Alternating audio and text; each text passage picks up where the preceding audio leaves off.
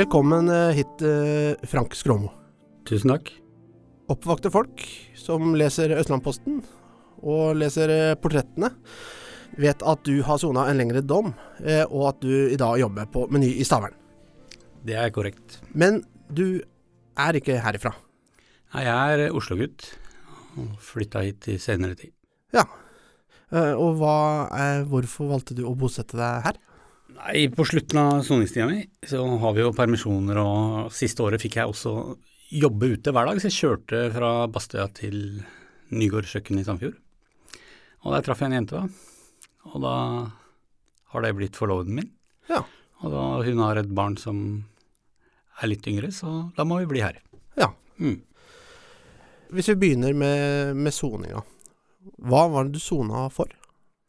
Jeg sona for å ha slått et annet menneske som fikk veldig dårlig utfall, som da heter forsettlig drap. Og hvor lang tid eh, Hvor lang tid sona du? Jeg sona åtte, dommen var på elleve, men eh, jeg slapp ut på prøveløslatelse.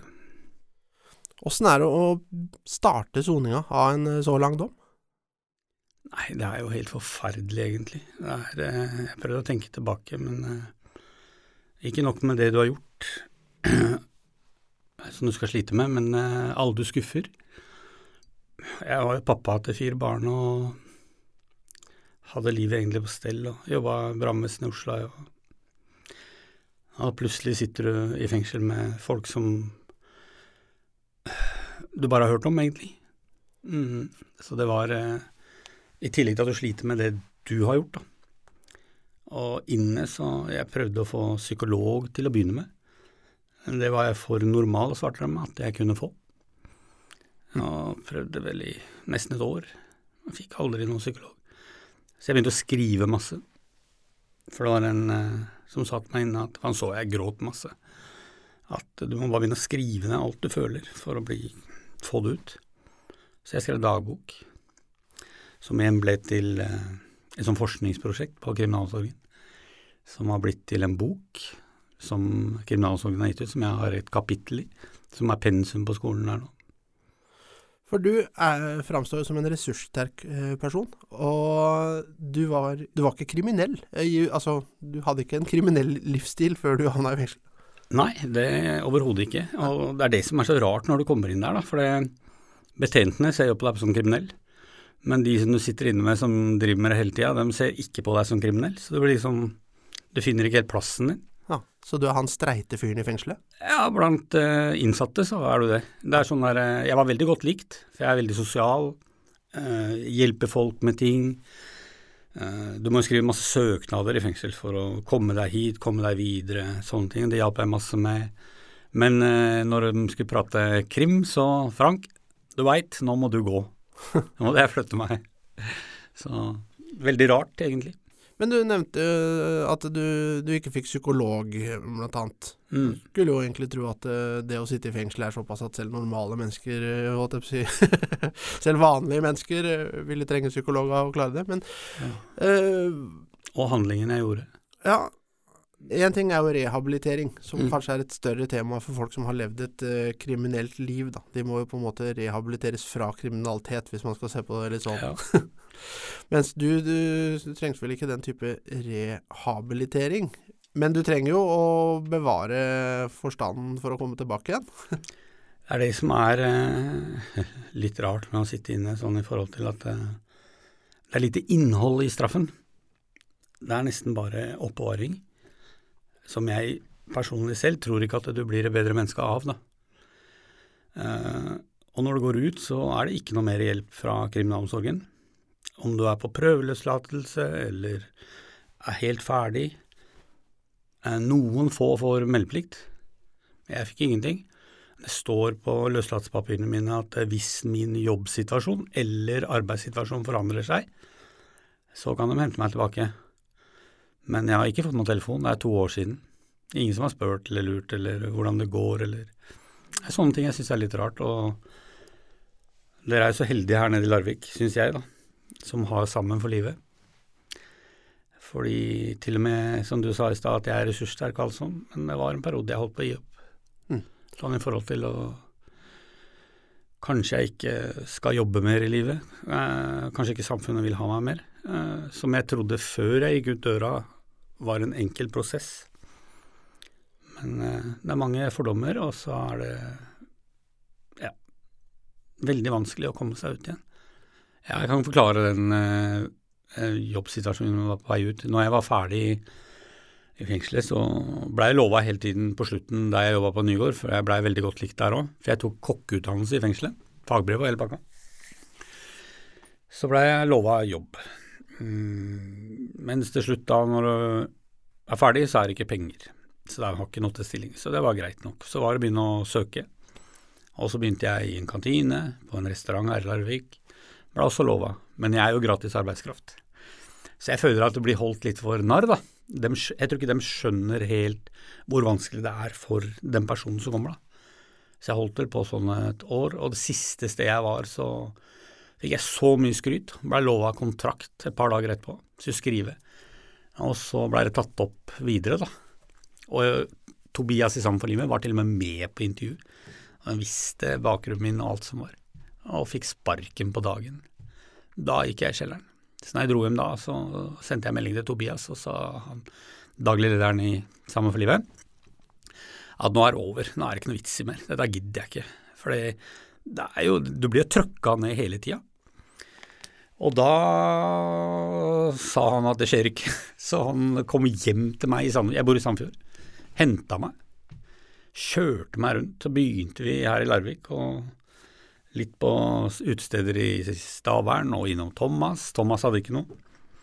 Så gikk det to dager, så ringte Thomas tilbake og sa at han ville prøve. Men han ville møte meg litt først, så vi møttes litt og prata litt. Så han ble kjent med meg. Og så fikk jeg et lønnstilskudd fra Nav.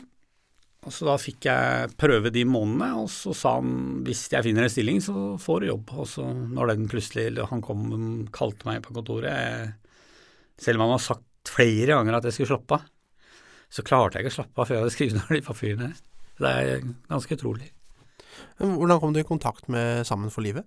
Eh, de kontakta meg inne i fengselet. Eh, fordi jeg visste om det noen andre som hadde brukt det. Så jeg ba noen da betjente ringe dem og si at eh, hør da, jeg vil gjerne ha jobb. Jeg har jo mye kontakter i Oslo i og med at jeg er Oslo-gutt, og begynte jo å jobbe tre måneder i Oslo fra Bastia. Men det var for slitsomt, fordi jeg dro ut med jeg var i vakta halv seks, tok båten over klokka seks, og så var jeg på jobb i Oslo kvart over åtte. Jeg kjørte inn. Og så tok jeg sjubåten inn på en på kvelden, og så med trafikken og det. Jeg var jo helt skutt, jeg datt jo i seng. Jeg klarte jo tre måneder. Det var ikke det, men eh, jeg fungerte jo ikke. Så det blei veldig sånn slitsomt. Men det var ikke noe annet jeg fikk veldig bra skussmål der òg. Men jeg valgte da også å ta meg en jobb her nede, og det er jeg jo veldig glad for i dag, da. For da har jeg truffet, truffet dame og forlova meg og alt, og blei her nede. Har det veldig bra, egentlig. Men Sammen for livet, eh, snakk litt mer om de. Mm. Er det et eh, tilbud eh, som fins eh, overalt i landet, og som er godt utbygd, eller hva er det? Det er det, nei, det er det som er veldig rart. Altså, Sammen for livet er jo Larvik som har, og det er det eneste i hele landet. Eh, det som er det, er at det er jo det eneste i eh, som hjelper innsatte i hele Norge ut i jobb. Hm. Og de fikk statsstøtte for første gang i år. Og det er mange organisasjoner som de lener seg på, og, sånn som Frelsesarmen, Røde Kors. Kjempeflotte organisasjoner, men de hjelper ikke folk i jobb. Det er et tilholdssted å være. Eh, jeg veit ikke hvor bra det er at det møtes mange kriminelle på samme plassen det tror jeg ikke er bra. Jeg har jo hørt mye. Men de tar jo seg av deg på en måte, men hva da? Til en Nav-bruker eller kriminell? Jeg vet ikke. Kan det hende at du er for, eh, for vanlig og for ressurssterk? Ja, Det har jeg hørt hele soninga mi, da. Men eh, jeg var jo ikke det. Jeg trodde jeg var det. Jeg er jo det på en måte, men allikevel så er det kjempevanskelig. Så det er eh, Ja jeg veit med meg selv at jeg, jeg har jobba hele livet mitt. Og jeg hadde ikke klart å sitte i Frelsesarmeen fem dager ut av for å få prøveløs. For det. når du søker prøveløslatelse, så må du ha jobb eller et sted å gå til, og leilighet. Og Frelsesarmeen Røde Kors, det er et sted å gå til. Det er jo derfor folk bruker det. Mm. For da kan de skrive det at det, Og da må de liksom være der fra mandag til fredag fra åtte til tre, da. Men du sier at du, fikk, eh, du tok en utdanning mens du satt eh, inne og tok fagbrev som kokk. Ja. Eh, ellers, eh, hvordan ellers blir du forberedt eh, på å komme ut? Det er jo mye som kan endre seg f.eks. i samfunnet i løpet av åtte år. Det er mye Ja, nytt som kan skje, som man må venne seg til. eh, Og det er det som er så bra da med Sammen for livet, da. For det Jeg begynte jo med litt permer, permisjoner. Og så kommer jeg ut, og så Jeg har jo gutter som begynner å bli store, da. Så sier han en til meg at 'pappa, kan du vippse meg 500 kroner?' Helt ærlig, da Jeg visste ikke hva vips var. Eh, Men jeg googla jo opp, jeg kan jo google. Så jeg blei jævlig irritert. Jeg hadde ikke bankkort engang, fordi alt har gått ut. Og så kan jeg fortelle deg, når du kommer ut da, så har passet ditt gått ut, og du får ikke bankkort hvis du ikke har pass. Så alt stopper jo opp. Så da tok jeg bilde av en 500-lapp på Messenger, og så sendte jeg til sønnen min, og da ble han forbanna. Men så alt dette her skal du lære deg. Eh, og når jeg kom helt ut da, og begynte å få regninger, så kom noe, sier noen til meg, Frank, du må ordne deg digipost. Jeg vet ikke hva digipost er, det var ikke når jeg gikk inn i fengsel. Så ordna jeg meg det. Men så syntes jeg alt ble så vanskelig, for det kom en regning i postkassa, så jeg visste ikke hva som var, og en kom på digipost, og så fikk jeg SMS på telefon. Så jeg skjønte jo overhodet jo ikke hva jeg skulle betale til slutt. Så hadde jeg ikke hatt kjæreste, så hadde jeg ikke klart det. Det kan jo være en trøst at jeg også sliter litt med det. jeg, har, jeg har ikke sittet inne, men, men jeg syns også det blir veldig mye Det med post av hvor det kommer. Så, det, så det, det, det gjelder nok for flere. Men ja. Men altså, du får jo alt på én gang, da. Ja. Og det er liksom Ja, du har ikke sjekka mailen din. For at når du sitter inne, så har du faktisk Folk tror at du har alt. Mm. Du har ikke internett, og du har ikke telefon. Nei. Du har 20 minutter ringetid i uka. Fra en telefon som en betjent sitter og lytter på.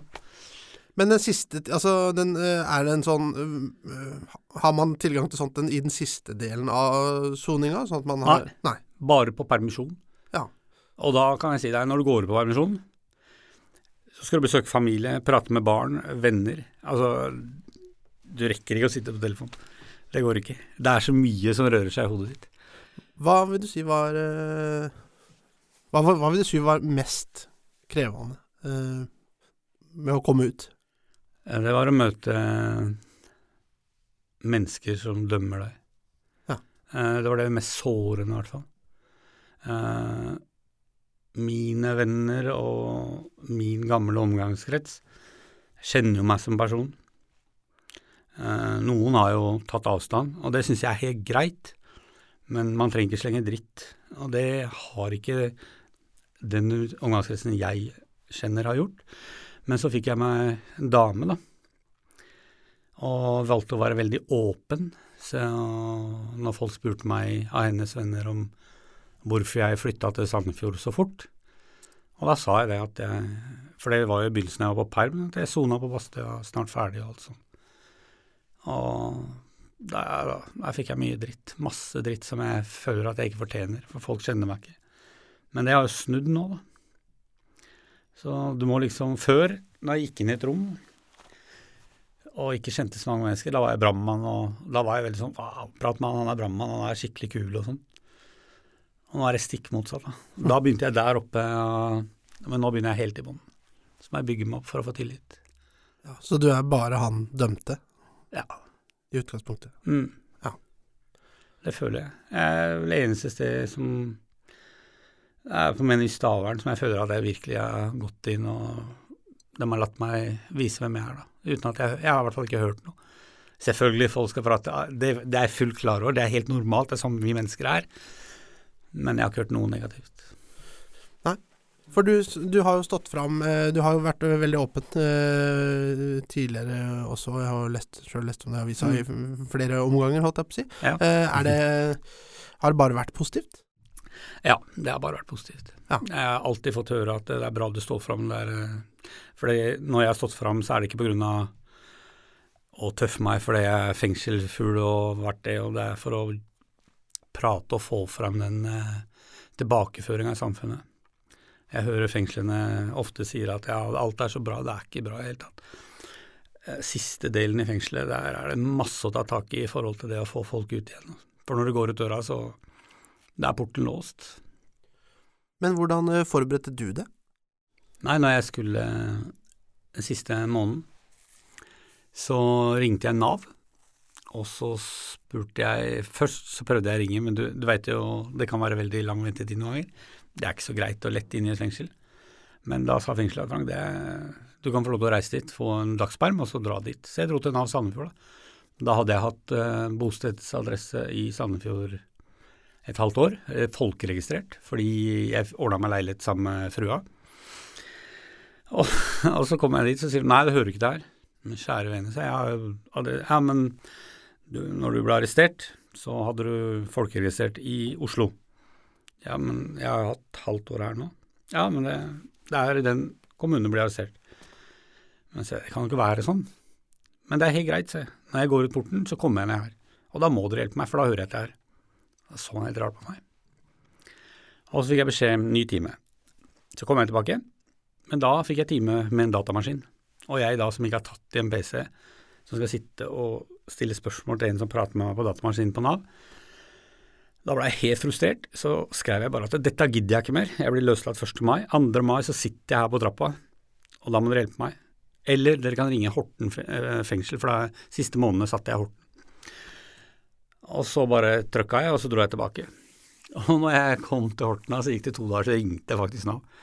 Å jo, jo, de skal hjelpe meg, alt skal ligge til rette. For det jeg spurte om, var om du kunne hjelpe meg med litt penger første måneden til jeg hadde kommet i gang, for jeg hadde ordna meg et sted å være og alt, da. Med jobb og sånn. Så da fikk, jeg, da fikk jeg det, men du, du, må liksom kjempe for det. Og det er ingen betjenter som hjelper deg med den biten, du må ordne det sjøl. Men altså, det er altså ikke noe Det er altså ikke noe oppfølgingstilbud eh, etter fengselet. Nei. Og det er ikke Fengselet følger deg ikke opp, og Nav eller og samfunnet ellers tar deg ikke imot på noen annen måte enn å tilby deg penger på Nav? Nei, det er det, altså. Du kan, ja, du kan gå på Nav, da. Men hva, hvilket liv er det, liksom? For meg så er det veldig negativt i forhold til at uh, jeg er veldig glad i å jobbe, da. Jeg, selvfølgelig Nav er bra for dem som ikke kan jobbe og trenger det, men uh, når man vil ut i arbeid, så er jo det det beste. Men hvordan tar eh, samfunnet deg imot ellers, da? Foreninger, idrett, eller hva man Jeg hadde jo en bakgrunn Jeg er fra Eller har barn som har drevet med idrett. Så jeg har trenerkurs både i fotball og ishockey. Og vært masse med i Vålerenga ishockey og fotball. Og har selv spilt i annen divisjon noen år, i fotball. Men eh, jeg har tenkt tanken, for jeg er veldig ivrig og veldig engasjert i ting, men jeg tør ikke å ta kontakt og spørre om jeg kan hjelpe til.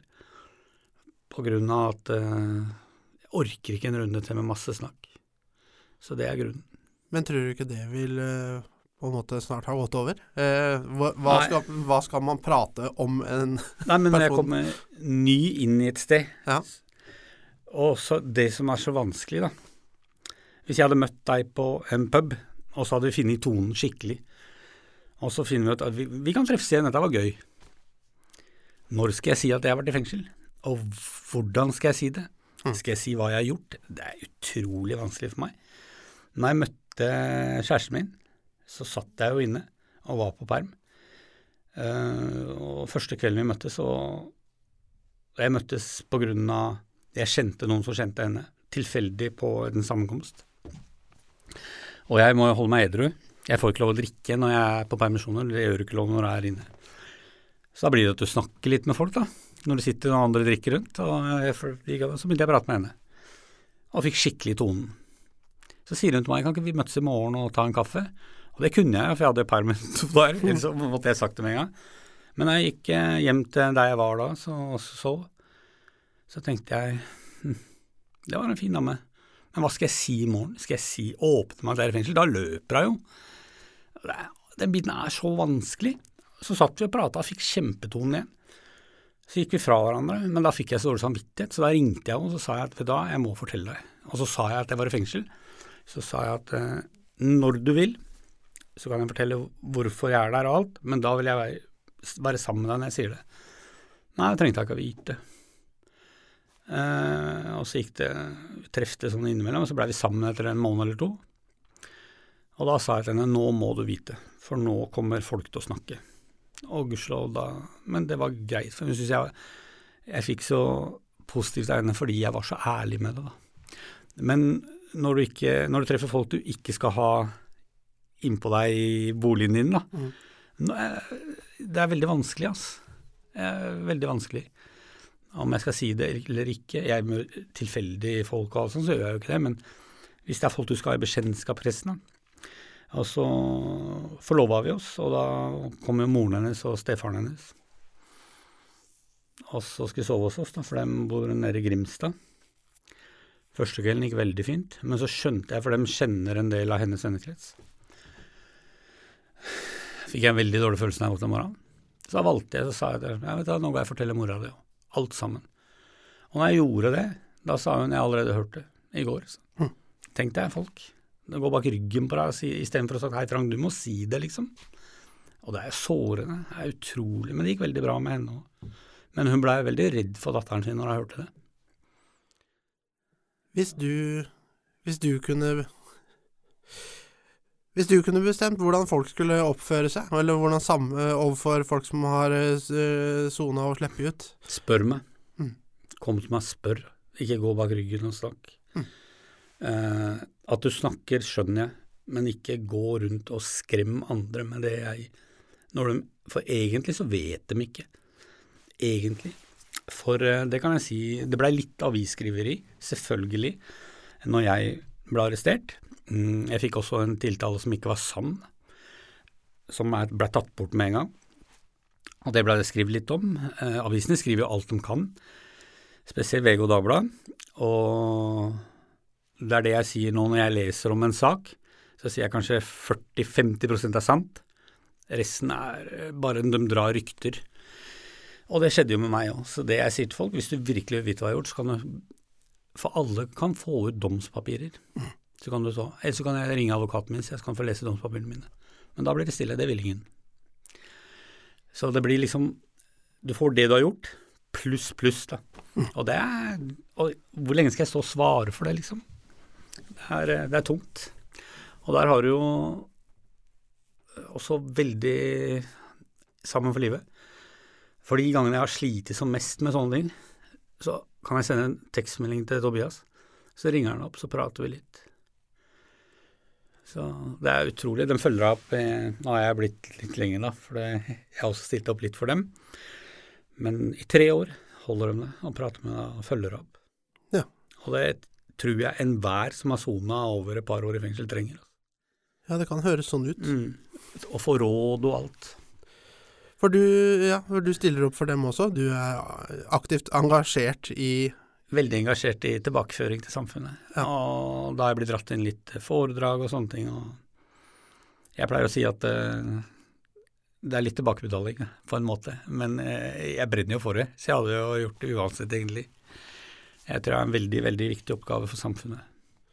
Når du holder foredrag, hva slags eh, grupper er det du holder foredrag for? Nei, det har vært litt forskjellig. Jeg har holdt selv, bare, bare meg selv, har jeg holdt for Bakkenteigen på sånne sosionomer som skal bli det og sånn, og litt på Høgskolen i Østfold. Og så har jeg faktisk holdt for eh, betjenter som skal videreutdanne seg på Kriminalomsorgens utdanningssenter. Og så har jeg holdt litt med Tobias med noen, noen foreninger og sånn. Men eh, jeg er jo veldig eh, hva skal jeg si, følelsesperson, da. Så uten at det plager meg ikke. Det er heller en god ting eh, for meg, men det kan komme litt tårer mens jeg står og prater. Mm. For det er touchy tema for meg, da. Og det tror jeg stikker folk veldig. Så jeg får masse klemmer og sånt, da. Ja, for tilbakemeldinger det, det var mitt neste spørsmål. Hva Ja. slags tilbakemeldinger er det du får etter sånt? Nei, det er veldig positivt, og alle sier jo da at uh, de er så glad jeg er så åpen Mm. og forteller om det. Og så ser de at uh, eh, Ikke tungt, men at det, det er tema som du kan, Når jeg prater om det, så kan du kanskje se på meg at eh, jeg er ikke stolt av det, men jeg kan fortelle om min situasjon. Mm. Mm. Så det mener jeg at alle som bor i Larvik, de må være superstolte av Sammen for livet. Å ha det her, altså, det er helt vanvittig. Og ikke bare Det er jo et stort samfunnsproblem. Som dere har her nede og jobber med. Altså. Det er helt vanvittig. I lille Larvik. For meg så er Larvik lite, fra Oslo. Men jeg trives veldig her, da. Mm. Både i Sandfjord og Larvik. Hvor lang tid har det gått siden du slapp ut nå? 1. mai så er det to år. To år. Mm. De neste åra, eller neste mange åra, hva er planene framover? Jeg eh, var vel en person som før jeg gikk i fengsel, som eh, skulle ha stort hus og fine biler og jobba mye og sto på. Eh, jobba egentlig mer over evne, egentlig. Slit, alltid sliten og fløy med unger og Men det har jo forandra seg helt sinnssykt der inne, etter jeg var der inne. Og bare jeg har til mat og husleie, så er jeg fornøyd, altså. Og før så var jeg, jobba jeg så fælt at jeg dro og reiste tre-fire ganger i året. Et par uker i Spania. og Det betyr ikke så mye for meg. Selvfølgelig jeg syns det er koselig å reise, men det får komme når det kommer. Mm. Jeg er blitt helt annerledes på sånne materialistiske ting. Den bilen jeg kom i, kjøpte jeg for 20 000. Det hadde aldri skjedd før. Tok Men- ut feriepengene mine på Menn i Stavern og kjøpte meg bil. Mm. Men hva er det som betyr noe? da? Du sier at eh, sånne ting ikke betyr noe lenger, men hva betyr noe? Å være sammen med dem som er rundt meg. Eh, både kolleger og familie og barna mine, kunne treffe dem. Og, og, ja, så er jeg blitt utrolig glad i Tobias i samfunnslivet. Men eh, det er det som betyr noe, at de rundt meg har det bra. Tusen takk for at eh, du kom. Bare hyggelig, det var koselig å være her. Du har hørt Kjetil Wold i samtale med Frank Skråmo. Følg oss gjerne på Facebook, Larvikspodden, Ropert eller Vi350. Du finner også Larvikspodden på Spotify og der du laster ned podkast. Ansvarlig for podkasten er foreningen Ropert, produsent Virvel AS.